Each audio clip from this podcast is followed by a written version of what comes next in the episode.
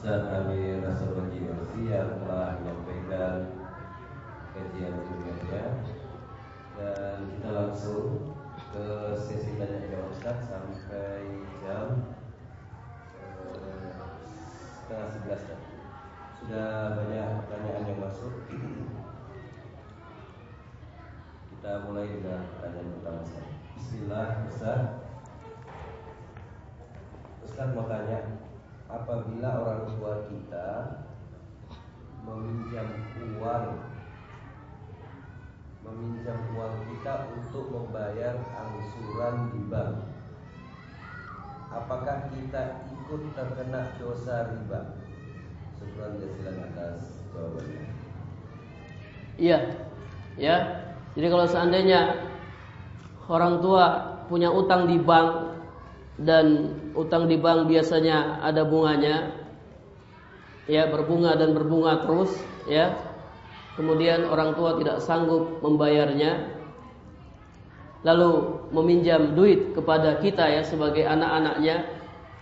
Eh, apakah kita juga akan terkena dosa ya? Maka eh, ibu-ibu dan bapak-bapak serta remaja putri yang dirahmati Allah Subhanahu wa taala eh, hendaknya ya eh, kita jelaskan kepada keluarga kita, kepada orang tua kita tentang bahaya riba.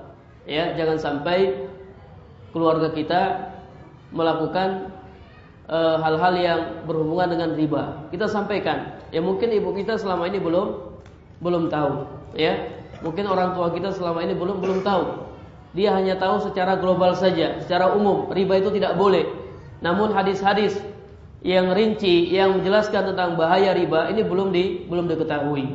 Ya kita sampaikan kepada mereka tentang bahaya riba, ya tentang ancaman yang keras, ancaman yang berat yang Allah e, berikan kepada orang-orang yang e, bermuamalah dengan cara-cara cara-cara riba. Bagaimana kalau orang tua kita sudah terlanjur ya e, meminjam uh, uang di bank, maka sekali lagi ya kita sebagai anak kalau bisa ya karena sudah terlanjur uh, tetap kita bantu orang tua kita, cuma dengan syarat ya ada syaratnya ya, ada syaratnya, ada aturan-aturannya, ada ketentuannya.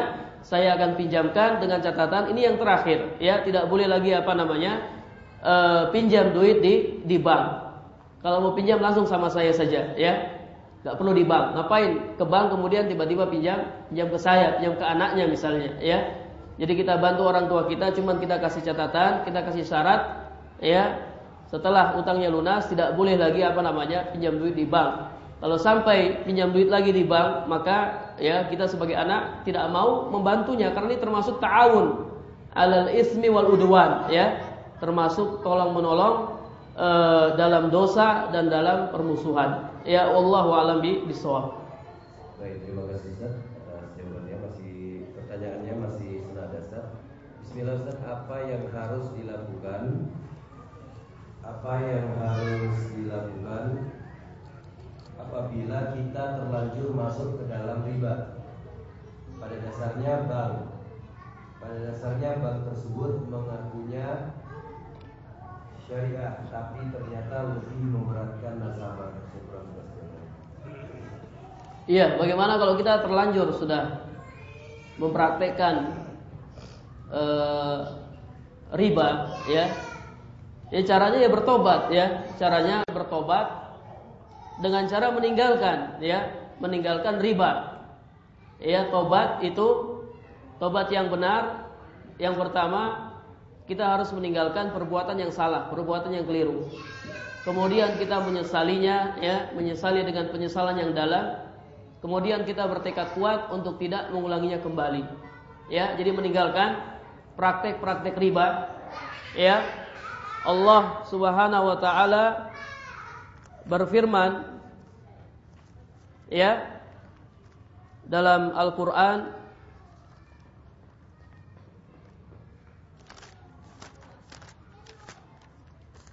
Ya Allah Subhanahu wa taala berfirman dalam Al-Qur'an dalam surat Al-Baqarah ayat 278 eh, sampai 279 Ya ayyuhalladzina amanu taqullaha wa dharu ma baqiya minar riba Wahai orang-orang yang beriman, bertakwalah kepada Allah dan tinggalkanlah sisa-sisa riba.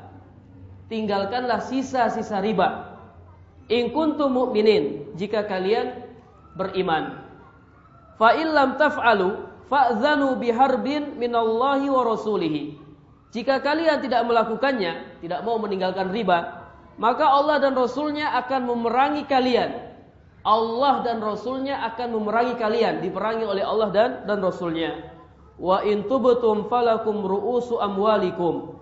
Jika kalian bertobat, ya bertobat dari riba, falakum ru'usu amwalikum, maka bagi kalian modal-modal harta kalian. Bagi kalian pokok-pokok harta kalian, la tazlimuna wa la tuzlamun. Kalian tidak berbuat zalim dan kalian tidak dizalimi. Ya, jadi misalnya, misalnya ada seseorang rentenir biasanya meminjamkan orang dengan bunga, ya pinjamkan satu juta, nanti kembalinya harus satu juta seratus, ya satu juta seratus. Kemudian rentenir ini ngaji, ya dapat hidayah, tahu ternyata riba tidak dibolehkan, maka dia bertobat. Bagaimana cara bertobatnya? Utang yang kemarin dia ngutangi satu juta dikembalikan satu juta saja, ya dia mengambil modalnya, pokok hartanya, cukup satu juta saja. Adapun yang seratusnya nggak perlu, nggak jadi. Ya, ini cara apa? Bertobat dari riba, kita ambil kembali modal kita, pokok harta kita, uang yang kita ngutangi, adapun sisa-sisa riba, ya kita kita tinggalkan. Ya, wallahu alami bisawab. Jadi kalau sudah terlanjur, ya segera apa kita kita bertobat, kita tinggalkan praktek-praktek e, riba. Baik, terima kasih Ustaz atas jawaban yang diberikan. Kemudian pertanyaan selanjutnya. Bismillah Ustaz, bagaimana apabila saya punya cicilan untuk membayar mobil sedangkan, sedangkan saya sudah berusaha menjual mobil tersebut namun sampai sekarang belum laku. Apa yang harus dilakukan Ustaz? Harus dilakukan ya, jual dengan harga yang murah mungkin. Ya gimana kalau dengan yang ditanyakan apa nih intinya tentang cicilan? Iya cicilannya. Iya, bayi utaksid ya, jual beli kredit ya, jual beli kredit, beli mobil kalau kontan misalnya harganya 120 juta, kalau cicil jadi 150 juta. Ya, ini bayi utaksid, uh, bayi utaksid jual beli kredit. Ada khilaf di kalangan para ulama, ada yang mengatakan tidak boleh, dan ada yang mengatakan boleh. Pendapat yang rojih boleh ibu-ibu ya. Pendapat yang rojih boleh kita melakukan buy utaksid ya jual beli kredit karena ini termasuk jual beli yang dihalalkan oleh Allah Subhanahu wa taala. Ya, ini termasuk jual beli yang dihalalkan oleh Allah Subhanahu wa taala. Kalau yang tadi nggak boleh, ngutang satu juta bayarnya eh, apa namanya satu juta seratus nggak boleh karena ini akadnya akad murni utang. Kalau tadi cicilan itu tidak murni utang, ada jual belinya. Ada akad jual jual beli cuma utang, ya. Jadi sekali lagi jual beli kredit ini ada khilaf di, di kalangan para ulama. Hanya saja pendapat yang tepat, pendapat yang rojih jual beli kredit dibolehkan. Ya, jual beli kredit dibolehkan. Kalau seandainya nggak dibolehkan ibu-ibu, ya bapak-bapak, mungkin susah. Kita punya barang susah. Siapa yang bisa beli rumah langsung kontan? Ya, siapa yang bisa beli mobil langsung kontak? Gak bisa. Gak ada orang yang punya mobil, punya rumah. Kalau seandainya jual beli kredit dilarang. Ya susah bagi kita untuk apa? Memiliki barang-barang yang ya ingin kita kita miliki. Ini kalau seandainya tidak tidak dibolehkan. Wallahu a'lam. Baik, terima kasih Ustaz atas jawaban yang memberikan. Selanjutnya, Bismillah Ustaz, misalnya kita ada hutang dengan orang lain tetapi di sisi lain, orang tua kita mempunyai hutang yang besar di bank dan kita ingin melunasinya. Yang mau saya tanyakan, manakah sebaiknya yang didahulukan? Yang mana manakah sebaiknya yang didahulukan? Melunasi hutang riba orang tua ataukah melunasi hutang kepada orang lain? Mohon penjelasannya. Iya, yang paling didahulukan yang sudah jatuh tempo ya. Sudah jatuh tempo itu yang paling didahulukan. Jadi uh, sekali lagi ibu-ibu dan bapak-bapak rahimakumullah jami'a ya. Kita ketika berhutang maka hendaknya apa? Kita berbuat baik ketika membayarnya. Ya, berbuat baik ketika membayar utang. Orang yang memberi utang kepada kita itu sudah berbuat baik kepada kita. maka kebaikannya kita balas. Bagaimana caranya? Caranya kita bayar tepat waktu. Kalau sudah jatuh tempo kita bayar. Ya, ini cara apa namanya? E, berbuat baik ketika melunasi utang. Dan jangan lupa kita doakan dia. Dia sudah ngutangi kita, ya. Kita doakan. Kita bayar tepat waktu. Kemudian kita doakan ya jazakallah khair. Ya semoga Allah memberikan balasan yang terbaik kepadamu. Jangan lupa doakan doakan dia, ya. Jadi yang paling kita utamakan yang sudah jatuh jatuh tempo. Allahu a'lam bishawab. Baik, terima kasih Ustaz atas jawaban yang diberikan. Kemudian ini ada pertanyaan yang berbesar. Assalamualaikum Ustaz. Bagaimana jika orang tua kita yang seorang pegawai negeri sipil atau PNS berhutang ke bank? Ketika meninggal, otomatis hutangnya akan dipulihkan atau diputihkan Bagaimana kami sebagai anak-anaknya menyikapi hal ini? Apakah kami harus melunasinya atau mengikuti aturan dari pemerintah yakni diputihkan hutangnya? Putihkan maksudnya diputihkan? Dianggap lunas pada saat dia meninggal kalau pegawai negeri di bank dianggap lunas uh, hutangnya. Apakah dia wajib tetap untuk membayarnya hutang tersebut atau dia tetap ikut peraturan pemerintah jika orangnya telah wafat meninggal maka hutang-hutangnya yang ada di bank akan diputihkan atau dianggap lunas. Mohon penjelasannya. Iya. Taib ya jadi kalau seandainya eh, pihak eh, apa namanya bank ya. Iya.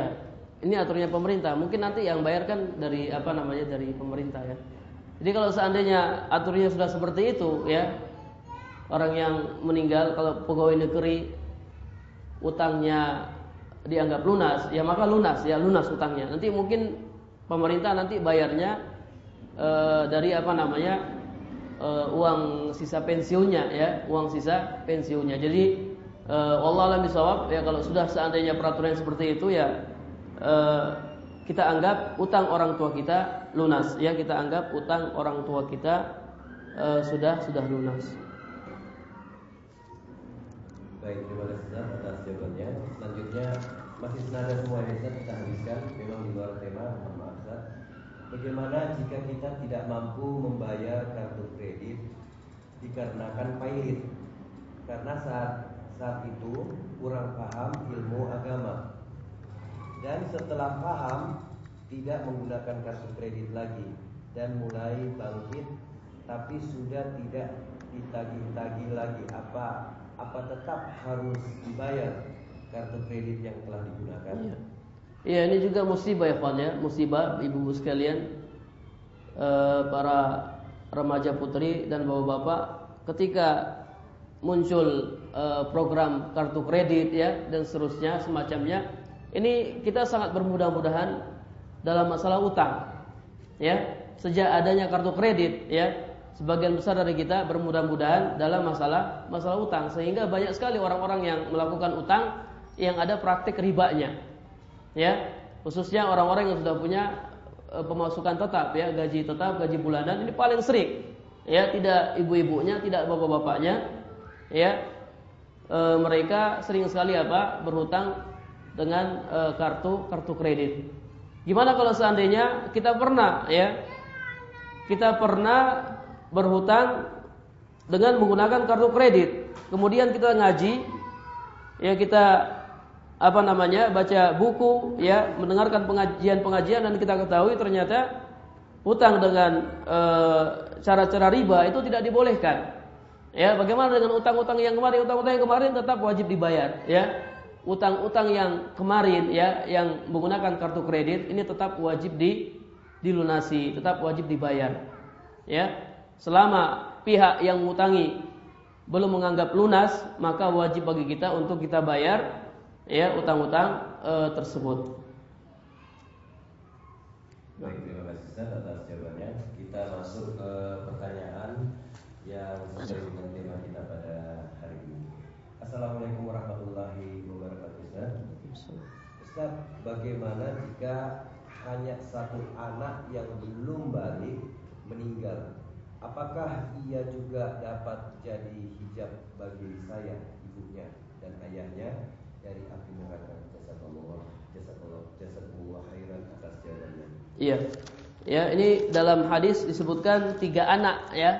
Tiga anak, kemudian ada yang bertanya bagaimana kalau dua ya, kata Rasulullah walaupun dua. Ya, sekarang gimana kalau satu ya? Kalau satu bagaimana ya? Ya kita berharap ya walaupun satu ya anak tersebut akan menjadi hijab bagi kita dari dari neraka. Dengan catatan kita bersabar. Ya kuncinya ibu-ibu sekalian, kuncinya adalah kesabaran kita. Ya, kesabaran kita ketika ditimpa musibah. Karena banyak sekali dalil-dalil yang menjelaskan tentang keutamaan bersabar ya keutamaan bersabar. Jadi kita akan dapatkan pahala yang banyak dari sisi kesabaran kita ketika anak kita meninggal. Walaupun hanya satu, baru satu yang meninggal. Ya. Walaupun baru satu yang meninggal, selama kita sabar, ya, kita ridho terhadap ketetapan Allah Subhanahu wa taala, ya insya Allah Allah akan memberikan pahala kepada kita dan Allah menjadikan anak kita sebagai hijab sebagai penghalang dari api dari api neraka. Jadi sekali lagi kami ingatkan kuncinya adalah sabar ketika ditimpa musibah dan sabar yang sungguhnya adalah sabar ketika pertama kali kita ya mendapatkan uh, musibah. Baik, terima kasih Ustaz atas jawaban yang diberikan. Kemudian pertanyaan selanjutnya. Bismillah. Ustaz, saya mau bertanya. Sudah satu minggu ini ibu mertua saya, ibu mertua saya sakit di rumah sakit dalam keadaan tidak bisa apa-apa. Hanya terkadang matanya saja yang terbelalak. Apa yang harus keluarga lakukan selama menunggu orang tua dalam keadaan seperti ini? Mohon penjelasannya. Iya, ya. Jadi kesempatan ibu-ibu sekalian kalau ada anggota keluarga kita yang sudah sekarat ya, udah sakit berat, terkapar di rumah sakit ya, tidak bisa bergerak kecuali menggerakkan matanya, maka kita sebagai anak-anak selalu mendekatinya, duduk dengannya, ya selalu kita apa namanya talkin, walaupun belum meninggal gak apa-apa, ditalkin masih bisa mengucapkan la ilaha illallah, tapi belum meninggal gak apa-apa, terus kita dekati, digilir ya, dijadwal, ya. Mungkin hari ini kita, besoknya eh, adik kita, besoknya kakak kita dan seterusnya digilir. Jangan sampai kita tinggalkan ya e, orang tua kita atau mertua kita. Ya, digilir. Kita upayakan orang tua kita ini ya meninggal dalam keadaan mengucapkan la ilaha illallah ya Muhammadun Rasulullah. Ini adalah kesempatan, kesempatan yang terakhir, kesempatan yang bagus yang kalau seandainya dia berhasil ya mengucapkan la ilaha illallah ya tanda ya di antara tanda-tanda yang baik yang menjelaskan bahwasanya dia termasuk orang-orang yang baik, ya. Tanda yang menunjukkan bahwasanya dia termasuk orang-orang yang yang baik. Jadi kita manfaatkan kesempatan kesempatan tersebut. Baik, terima kasih Ustaz atas jawaban yang diberikan. Kemudian pertanyaan selanjutnya Ustaz. Ini sudah pertanyaan-pertanyaan yang di luar tema kita pada hari ini. Ustaz, saat ini banyak umahat yang aktif di media sosialita. Tak jarang mereka menampilkan suami atau anak-anaknya dan mencurahkan e, kata hatinya pada profilnya. Bahkan pada setiap aktivitasnya juga tak malu-malu di, di, diunggah sebagai profil. Apakah perbuatan seperti ini termasuk membuka aurat? Iya, ini juga musibah ya banyak sekali apa namanya khususnya di Facebook ya atau di Twitter ya atau yang semacamnya e, banyak sekali kita dapati e, saudari-saudari kita atau saudara-saudara kita sesama muslim sesama muslimah mereka e, entah menulis perkataan-perkataan yang tidak baik ya ikut-ikutan membahas masalah politik ya padahal nggak paham sebenarnya hanya ter, ter apa namanya terpengaruh dengan berita terpengaruh dengan media ya ikut-ikutan misalnya kemarin waktu pemilihan presiden ya bagaimana kita saksikan di media-media sosial saling menyerang satu sama lain saling menjelek-jelekkan ya saling menjelek-jelekkan eh, apa namanya calon presiden yang bukan pilihannya Ya, dan ini dilakukan oleh orang-orang yang sudah ngaji. Ya, dilakukan oleh orang-orang yang sudah ngaji, yang sudah paham apa namanya? ngaji-ngaji salaf. Dan kita dapati juga tidak sedikit foto-foto uh, perempuan yang pakai jilbab ya, ada foto-foto perempuan yang pakai cadar dipasang di Facebook ya, dipasang di di Facebook. Ya ini musibah sekali lagi ibu-ibu, ya bapak-bapak, para remaja putri tidak sedikit perselingkuhan itu yang terjadi lewat media-media sosial seperti ini. Ya, tidak sedikit perselingkuhan yang terjadi uh, dalam media-media sosial seperti ini. Uh, bagaimana dengan pertanyaan yang tadi? Uh, apa namanya? Uh, sebagian ibu-ibu atau wanita muslimah uh, memasang fotonya ya di Facebook ini tidak boleh ibu-ibu sekalian ya tidak boleh kalau dia mau pasang ya pasang gambar yang lain ya pasang gambar bunga ya atau gambar pemandangan Kemudian yang ditulis pun ya tulisan-tulisan yang baik. Ya kita tidak mengharamkan Facebook ya. Facebook ini wasilah, suatu yang mubah. Tapi kalau digunakan untuk suatu yang tidak baik, ya maka menggunakan Facebook jadi terlarang. Kalau digunakan e, untuk suatu yang tidak baik, menggunakan Facebook menjadi suatu yang dilarang. Ya, jadi kalau kita punya Facebook, kita manfaatkan Facebook kita untuk ya mungkin kita tulis hadis-hadis Nabi, kita tulis ayat-ayat Al-Quran, kita sampaikan penjelasan para ulama, kita berdakwah lewat lewat Facebook. Ya, kita contohi, kita teladani. Ya mungkin syekh-syekh atau ustadz-ustadz kita yang punya Facebook, ya. Ustadz Firanda, coba lihat Facebooknya isinya kebaikan-kebaikan, ya. Ustadz Abdullah Taslim isinya eh, kebaikan-kebaikan, ya. Jadi kalau kita punya Facebook, kita sekali lagi kita manfaatkan untuk hal-hal yang yang baik dan tidak perlu kita tulis aktivitas kita. Saya sekarang lagi makan, ya. Saya sekarang lagi minum. Tidak ada manfaatnya, ya. Untuk apa? Ya, tidak ada, tidak ada faedahnya. Wallahu a'lam bishawab. Baik, terima kasih Ustaz atas jawaban yang diberikan. Selanjutnya, Assalamualaikum Ustaz. Bagaimana jika kita dititipi barang untuk dijualkan, lalu sisa barang masih ada, namun orang yang menitip tidak pernah datang lagi? dan tidak bisa dihubungi atau hilang jejak. Bagaimana ini Ustaz? Apakah termasuk hutang atau apa barang dagangan yang dititipin itu tadi? E, tidak, tidak termasuk utang ya. Jadi disimpan, disimpan saja Ibu ya. Disimpan, disimpan saja. E, disimpan sampai orangnya datang. Kalau orang yang nggak datang-datang bagaimana ya? Kalau orang yang nggak datang-datang bagaimana ya? Kalau seandainya kita memanfaatkan, ya mungkin kita uh, kiaskan dengan uh, lukoto ya lukoto. Ada namanya lukoto ibu-ibu sekalian. Lukoto ini barang temuan. Ya barang temuan. Barang siapa yang menemukan barang di jalan seperti dompet ya eh, barang-barang berharga yang lainnya maka hendaknya dia ambil barang itu dia kenali apa namanya ciri-cirinya terus dia umumkan diumumkan selama satu tahun kalau selama satu tahun gak ada yang mengaku, maka silahkan dia manfaatkan barang-barang tersebut. Jadi batasannya selama satu tahun.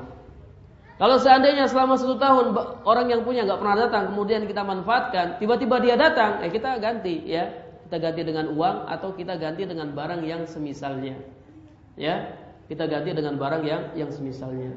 Wallahu a'lam. Baik, terima kasih Ustaz atas jawaban yang diberikan. Selanjutnya ini ada pertanyaan yang agak berat ini Ustaz.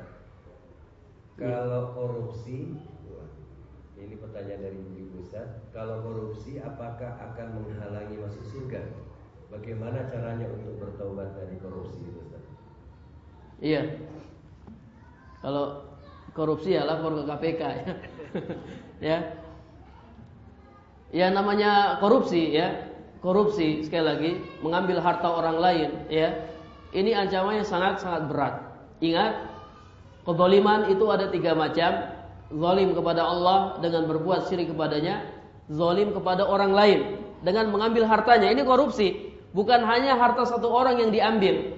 Harta masyarakat ya. Harta warga Indonesia. Harta ya secara umum kaum muslimin. Diambil. Dosanya sangat berat. Mengambil harta satu orang saja itu tidak boleh.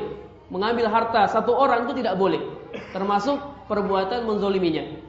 Ya, apalagi mengambil harta banyak orang.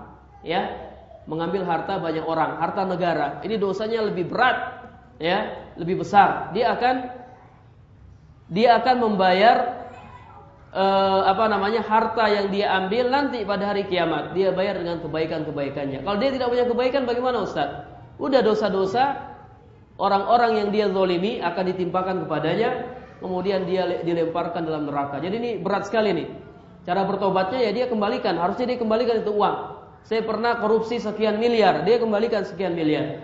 Ya, mengembalikan harta yang yang diambil. Kalau dia hanya di penjara saja, sementara dia belum mengembalikannya, maka belum cukup. Ya, nanti di akhirat dia akan bayar dengan kebaikan-kebaikan kebaikan-kebaikannya. Jadi sekali lagi korupsi ini dosanya luar biasa. Ya hanya saja belum diketahui ya atau tidak diketahui oleh sebagian koruptor ya. Mungkin ada yang tahu cuman karena nekat imannya lemah ya tetap melakukan perbuatan e, korupsi. Ya dosanya sangat sangat besar ya termasuk e, kabairuz dzunub ya termasuk dosa-dosa yang yang besar mengambil harta orang-orang lain. Baik, terima kasih Ustaz atas jawaban yang diberikan. Kemudian pertanyaan selanjutnya Ustaz. Bismillah.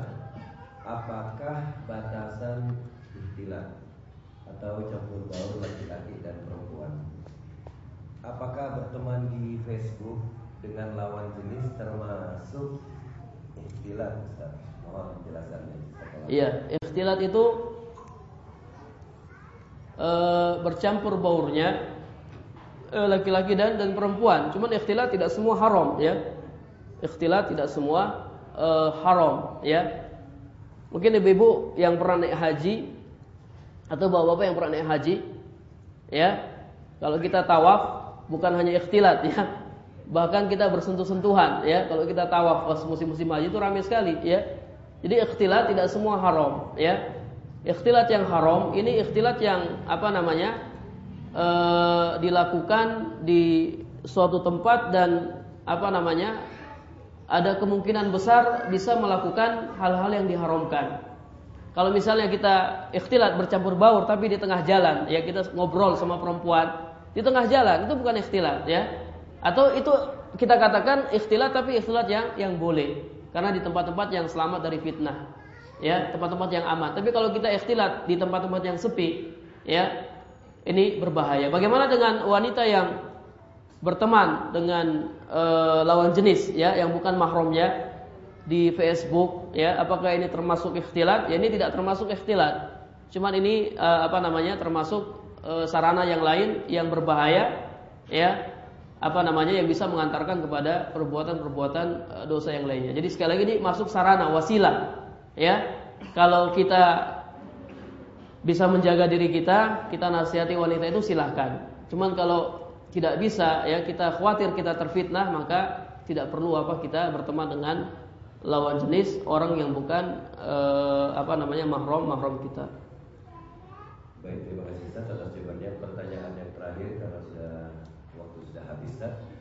Pertanyaan yang terakhir, Assalamualaikum Ustaz.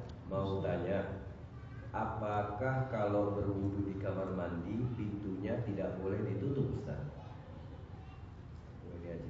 Kalau benar, bagaimana kalau itu di tempat umum atau di rumah saudara yang bukan muhrim Ustaz? Terima kasih atas jawabannya Ustaz. Iya, berwudu di kamar mandi ya nggak apa-apa pintunya ditutup ya Gak apa-apa. Kita kalau mandi junub ibu-ibu ya, kalau mandi junub, mandi yang sunnah itu ada wudhunya, ya, ada wudhunya. Masa kita buka? Karena ini lagi wudhu nih, lagi mandi junub, mau wudhu. Masa kita buka pintunya? Tidak kita tutup, ya. Tetap kita tutup. Jadi tidak mengapa. Apa namanya kita berwudhu di kamar mandi, kemudian pintunya kita tutup, ya. Tidak perlu apa? Tidak perlu dibuka. Tidak perlu di, dibuka. Ya kalau di kamar mandi sendiri saja kita dianjurkan untuk nutup ya apalagi tempat-tempat umum ya di tempat-tempat umum di tempat keluarga maupun di tempat-tempat umum yang yang lainnya jadi tutup pintunya gak apa-apa wudhunya sah ya wudhunya sah Allah alami bisawab 嗯来